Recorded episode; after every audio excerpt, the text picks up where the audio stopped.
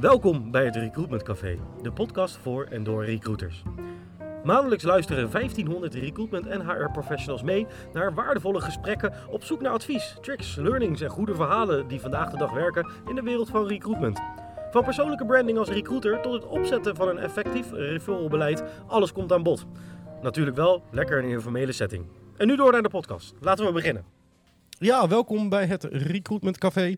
We gaan het hebben over interim versus loondienst. Uh, want interimmen 60, 70, 80, 90 euro per uur vangen. Vrijheid van werken, je eigen tijden, je eigen baas zijn. In tijden dat het goed gaat is interim een fijn klinkend idee.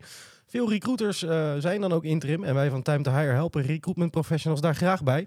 Maar daarnaast hebben wij ook gewoon 100 recruiters in dienst die interim opdrachten doen. Dit is een podcast voor alle interim recruiters, recruiters in vaste dienst en recruiters die willen nadenken om te gaan interimmen. Want die 60, 70, 80 of 90 euro klinkt als, een, als gouden bergen. Maar je moet zelf ook heel veel regelen. Van reiskosten tot pensioen en van verzekeringen en zelf de tijd en energie steken in het vinden van opdrachten. Een podcast over de balans tussen zelfstandig en in loondienst als recruiter. Wat kan je verwachten? Ik zit hier met Sebastian Houtgraaf, voormalig freelancer die de transfer heeft gemaakt naar ons, naar loondienst. En Henke van Homelt, onze, Henk, onze head of interim. Ik zeg Henke of interim, maar is ook goed. Uh, hij bemiddelt interim recruiters naar mooie opdrachten. Um, ja, en om maar gelijk met de deur in huis te vallen, Sebastian. Uh, jij hebt eigenlijk een beetje de overstap gemaakt, klopt dat? Ja, zeker. Um, en het was ook een uh, vrij makkelijke voor mij. Mm -hmm. um, maar uh, voor heel veel mensen is nog steeds eigenlijk het, uh, het interim verhaal, het ZZP-verhaal, natuurlijk heel aantrekkelijk. Ja. En um, ja, vorig jaar zomer ontstond het, het idee, zeg maar, om te gaan ZZP'en of überhaupt interim na te denken. na een aantal jaar gewoon in loondiensten zijn geweest. ja, en toen kwam ik met Henk aan tafel. Ja, ja. Henke is uh, eigenlijk de, de, de man, de, de go-to uh, man als het gaat om interim recruiters gaat in, uh, in Nederland. Um, veel mensen die, wat ik ook al zei in de intro, vinden het natuurlijk heel erg, ja, het is toch de gouden bergen. Um, veel mensen die al 70, 80 euro per uur, als je dat naar 52 weken rekenen, dan heb ik echt een berg geld. Ja. Maar de, de werkelijkheid is gewoon iets minder mooi. Of ja. iets minder florisant dan het zo wordt ja. Wat, is, wat was voor jou de reden um, om te gaan intrimmen en misschien ook de reden om misschien toch weer naar loondienst te gaan? Ja, ja voor mij was het nog geen eens het, uh, het geld. Dat was ook bij Henk uh, een van de eerste punten. Ik dacht er eigenlijk helemaal niet zo over na. Van, oh, het is, uh, je kan heel veel geld mee verdienen. Wat dan later wel in die markt heel veel wordt besproken. ik weet ook nog heel goed zei, dat ik zei tegen Henke van...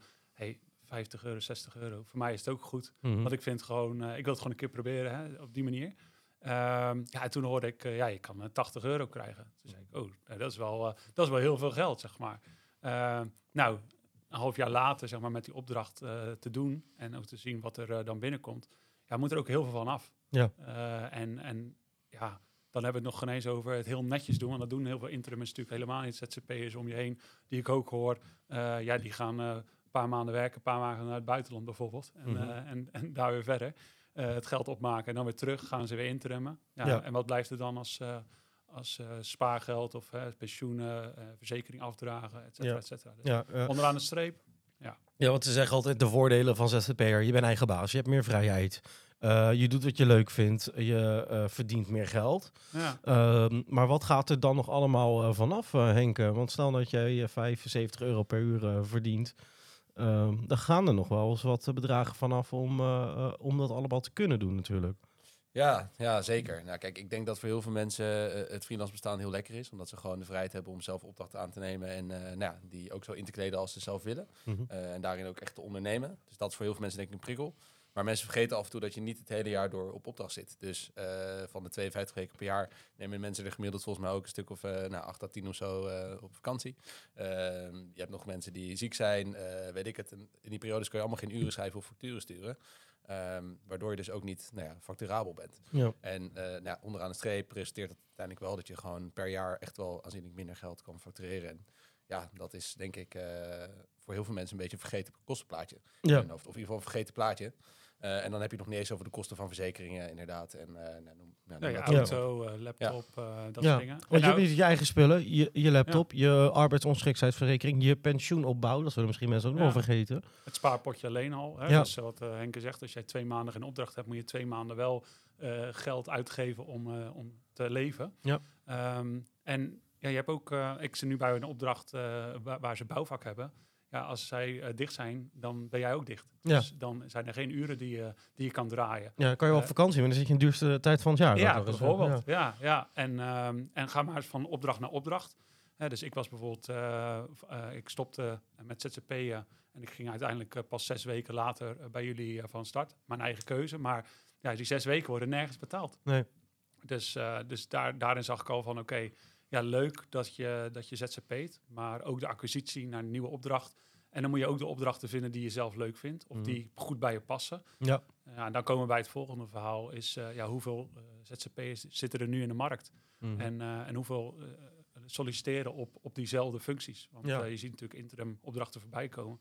Maar ik hoor nu al bij, eh, bij een klant waar ik nu eh, een andere opdracht doe, eh, dat er bijna 40, 50 eh, aanmeldingen waren. Ja, Ja. want ehm, ze zeggen natuurlijk altijd dat het veel vrijheid geeft, maar eh, op het moment dat jij een aantal opdrachten misschien wel weigert omdat dat niet in je straatje ligt, om, omdat je er niet gelukkig van wordt, hoeveel geld heb jij nog op de bank staan om hoeveel opdrachten je kan weigeren? Ja, ja, dat is weinig. Want als jij, ja, je, je hebt gewoon een, een grote eh, kans van geen opdracht. En heel veel mensen denken dat er opdrachten voor het greep, grijpen liggen. Maar Ja. dat is gewoon dat moment niet, eh, niet het geval. En ja, ik denk dat je, daar hadden we het vanmorgen even over, is ja, als jij, eh, je moet bijna drie maanden werken, hè, zeiden we, de, twee, om twee maanden zeg maar te overbruggen weer. Ja, Dus je moet meer werken om uiteindelijk... eh, ja.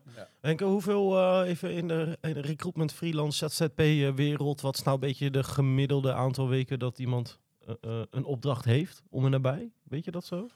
Want ik Eh, neem aan dat het, eh, recruitment doet het goed, maar je bent nog geen eh, ervaren eh techlead op, op .NET of op andere waar echt nog meer schaarste op zit. Nee, klopt. Ik zie inderdaad uh, buiten recruitment echt opdrachten van jaren en jaren langskomen. uh, waar mensen bij wijze van spreken vijf jaar op één project zitten. Dat is echt bizar. Ja. Uh, ik denk dat de gemiddelde duur van een opdracht in recruitment een beetje tussen de nou, rond een half jaar ligt of zo, afhankelijk van de, de Ja. casus. Um, ja, en ik denk dat een goede recruiter die ook echt investeert in acquisitie en netwerk, daarvan misschien tien maanden per jaar een opdracht heeft. Ja, Uh, dus- dan reken je toch al wel gauw op Ja. één, twee maanden per jaar waar je het niet hebt. Mhm. Ehm, en nou ja, goed, in alle eerlijkheid, de markt is afgelopen jaren echt bizar goed geweest. Dus eh, mensen hadden doorlopend een klus. Maar ja, je komt nu gewoon, wat Sebas ook zegt, eh, in een fase waarin er soms wel 30, 40, 50 kandidaten op die ene job eh, zeg maar solliciteren of hunten. Hm. Ja, dan eh, kan het zomaar zijn dat je wat langer zonder opdracht zit. En dan zijn er heel veel mensen die ook nog vasthouden aan een hoog tarief, omdat ze dat heel graag willen. Maar ja, als je drie maanden zonder opdracht zit, wat Ja. we net ook over hadden, ja, dan moet je echt wel weer een aantal En- maanden en de werken om dat branche, te compenseren. Ja. Ja, Mhm. dus dan kijken we ook van, hey, ik, ik heb een achtergrond in de techniek.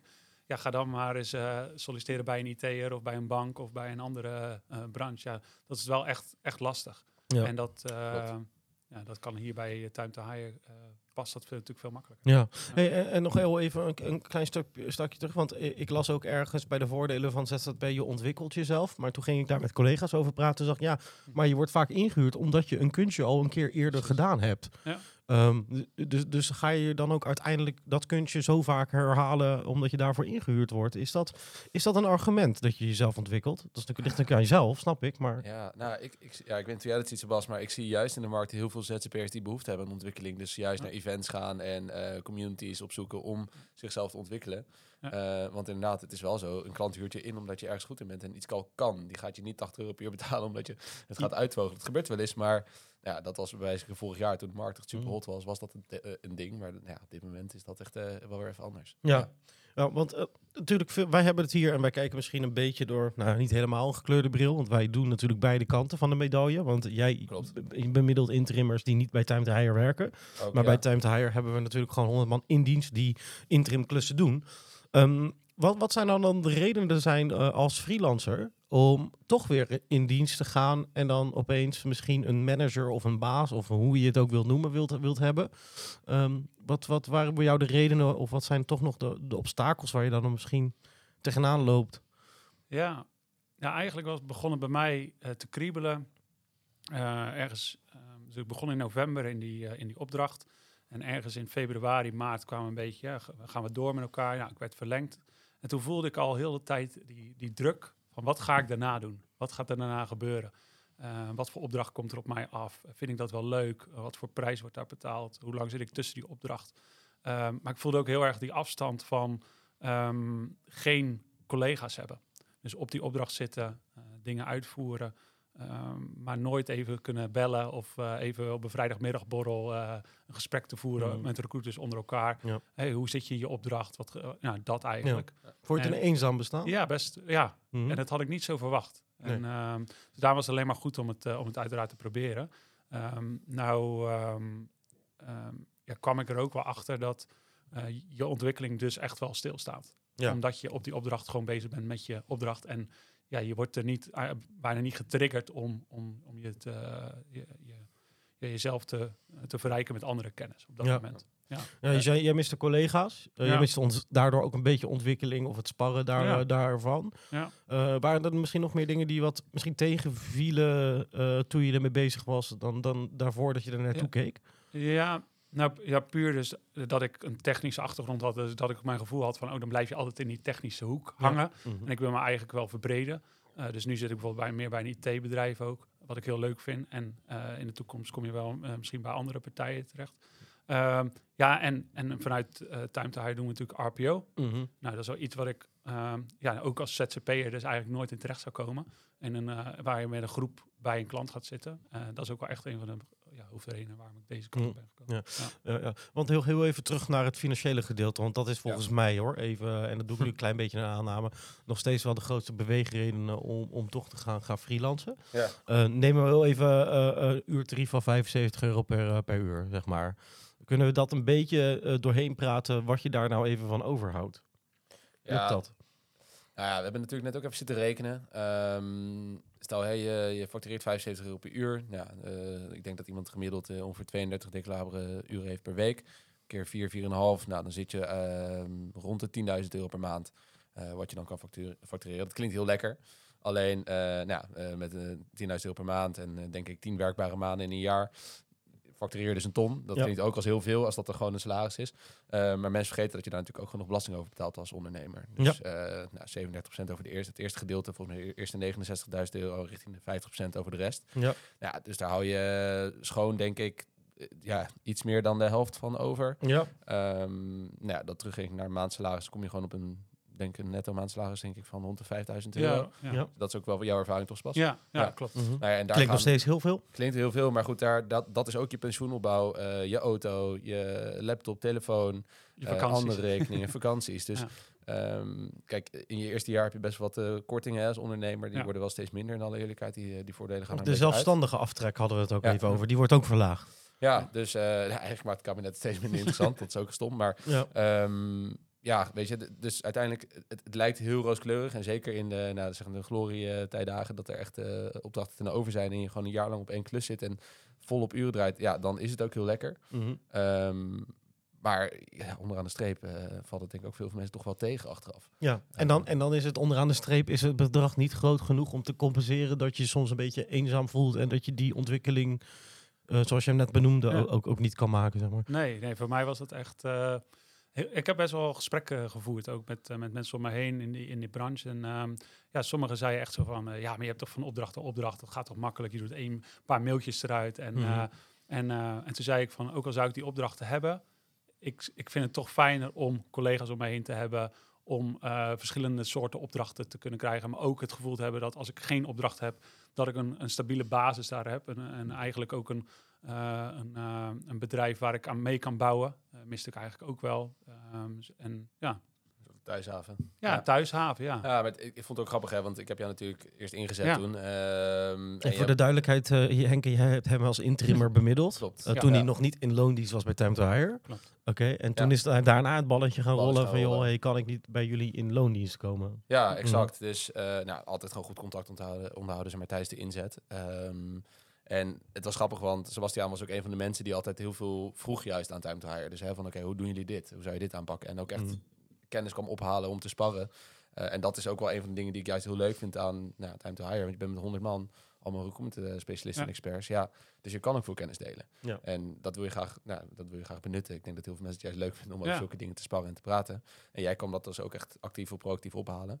Ehm, dus nou ja, goed, die, die stap daarna om bij ons te komen werken was denk ik voor jou ook relatief klein. Ja, want ik zei ook, ik heb nog een keer met jou een gesprek gehad over van, uh, ja, kunnen we niet met recruiters of uh, interimers, ZZP'ers, een, uh, is er niet een community, is er niet een plek waar je samen kan komen en te zeggen van, hé, hey, ik heb een vraagstuk, ja. ik denk er zo over na. Dan nog geen eens echt zo van, ik weet het niet en ik ga het opvragen, maar meer van, ik heb dit idee, hoe, sta, hoe, kijken jullie daar tegenover? En dat, dat gevoel had ik gewoon niet. En dan mis ik zo erg dat ik dacht bij mezelf van... ja, ik kan wel jaren ZZP'en...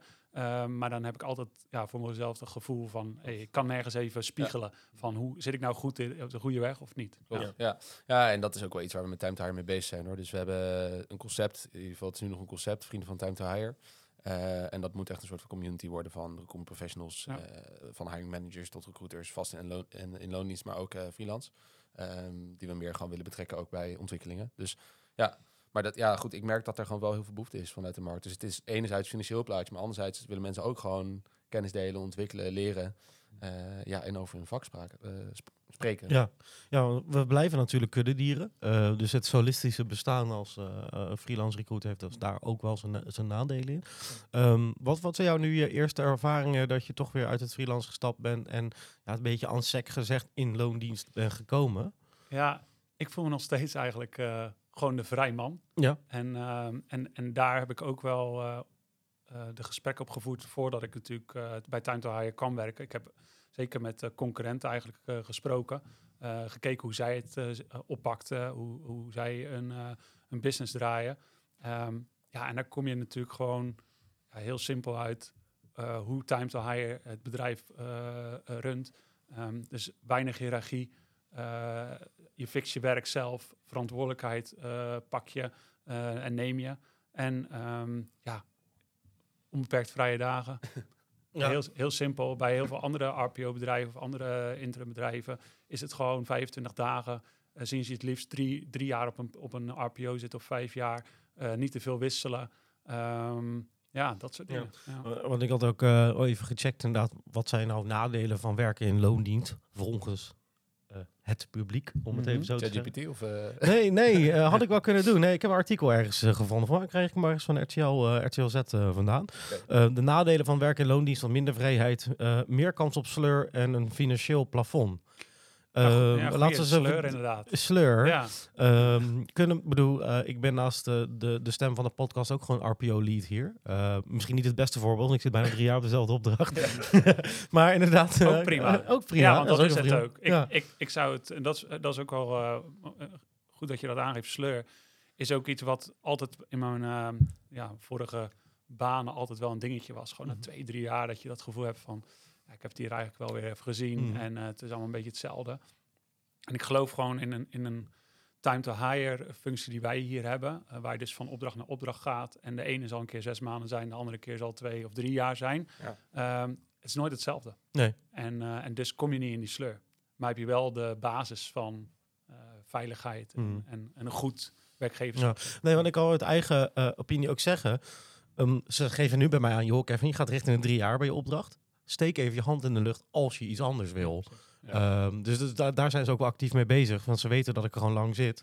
Uh, en dan is natuurlijk ook zelf de afvraag: van, wil je uit de comfortzone, ja. wil je iets nieuws of zit je wel even goed? En, ja. um, dus uh, nee, ik heb zelf die sleur ook niet ervaren na vijf jaar, van mij vijf opdrachten gedaan. Ja. Uh, waarvan een paar kortere en nu wat, wat langere. Dus, dus die kunnen we eigenlijk daarin wel wegstrepen als het gaat om nadelen van werk in loondienst op dit lijstje van RTL Z, wat ik daar uh, op gedokterd heb. Ja, zeker. Ja, kijk, ik denk, um, als je kijkt naar Time to Hire en de voordelen van hier werken, is denk ik inderdaad vooral dat je inderdaad die veiligheid hebt van een vast inkomen uh, en tegelijkertijd wel de vrijheid hebt die je bij veel ondernemende rollen of in ieder geval freelance rollen ook hebt. Want mm -hmm. nou, wat je zegt, om per vakantiedagen, weinig hiërarchie.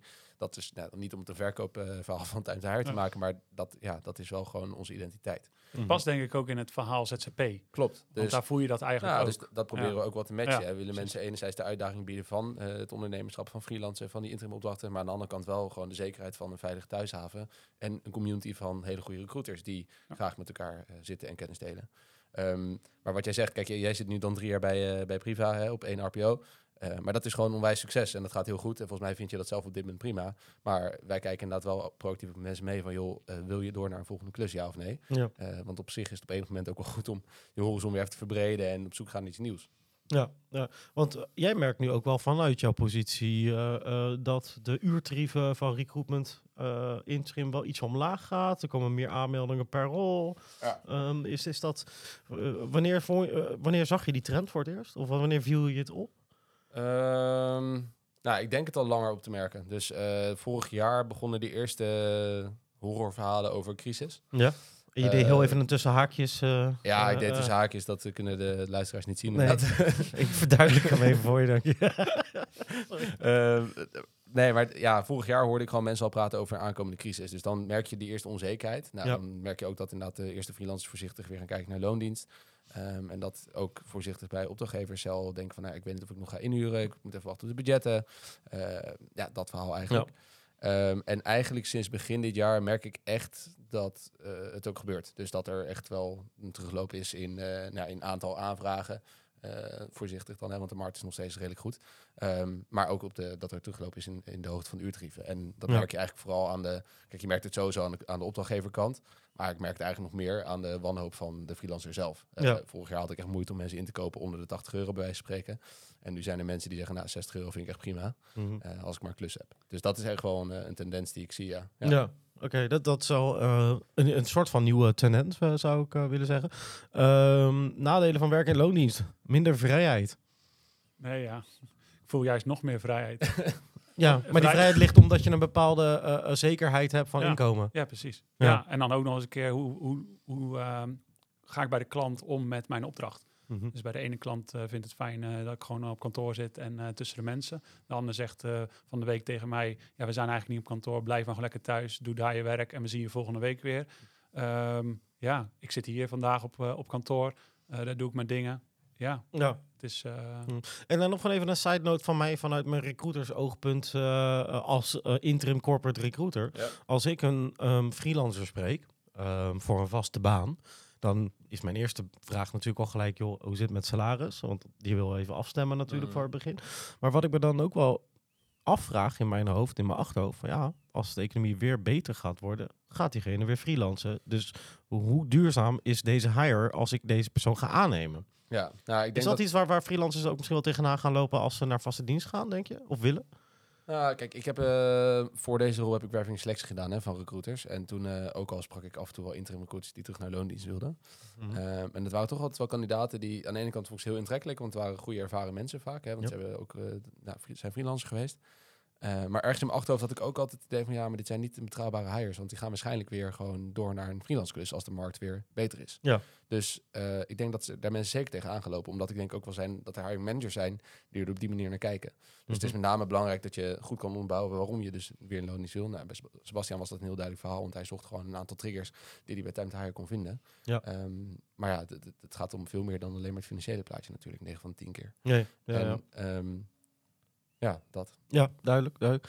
Ehm, dus inderdaad, mocht je nou zeggen van... hé, hey, eh, ik ben freelancer. Ik merk dat het allemaal ja, ietsje moeilijker gaat dan een jaar geleden... om die opdracht eh, te scoren. Of ik moet misschien opdrachten aannemen die iets onder mijn gewenste tarief liggen. Of eh, functies willen aannemen die ja, toch maar moeten... omdat het eh, ja, dat toch de functie is, dat er geen andere functies zijn. ja, inhoud. Inhoud. Mhm. Inhoud van, de, van je ZZP-opdracht. Ja. Dan moet je alleen maar sourcen of eh, mag je ook veel meer andere dingen doen? Ja. Ja, ja. eh, Dat is het ook wel. Hè. Kijk, ehm, vorig jaar kwam op een punt dat je ook een beetje kon cherrypicken op een gegeven moment. Ja. Eh, dat was echt bizar, vond ik.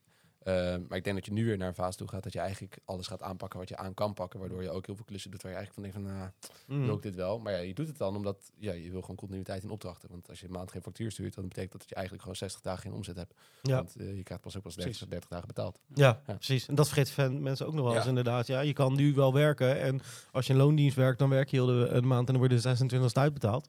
Eh, als jij freelancer bent eh, en je hebt toevallig een klant met een 60 dagen betalingstermijn, ja, dan kan je gewoon nog even wachten naar je geld. Zeker. En dan moet je tussendoor ook nog wel even zorgen dat je ergens wat te eten kan krijgen. Nee, Ja. 100%. Ja. Ja. Er komen wel gewoon blauwe brieven op de, op de deurmat van de Belastingdienst. Dus ja. Ja, ja. en eh, die eh, hebben een kortere betalingstermijn. weet ik.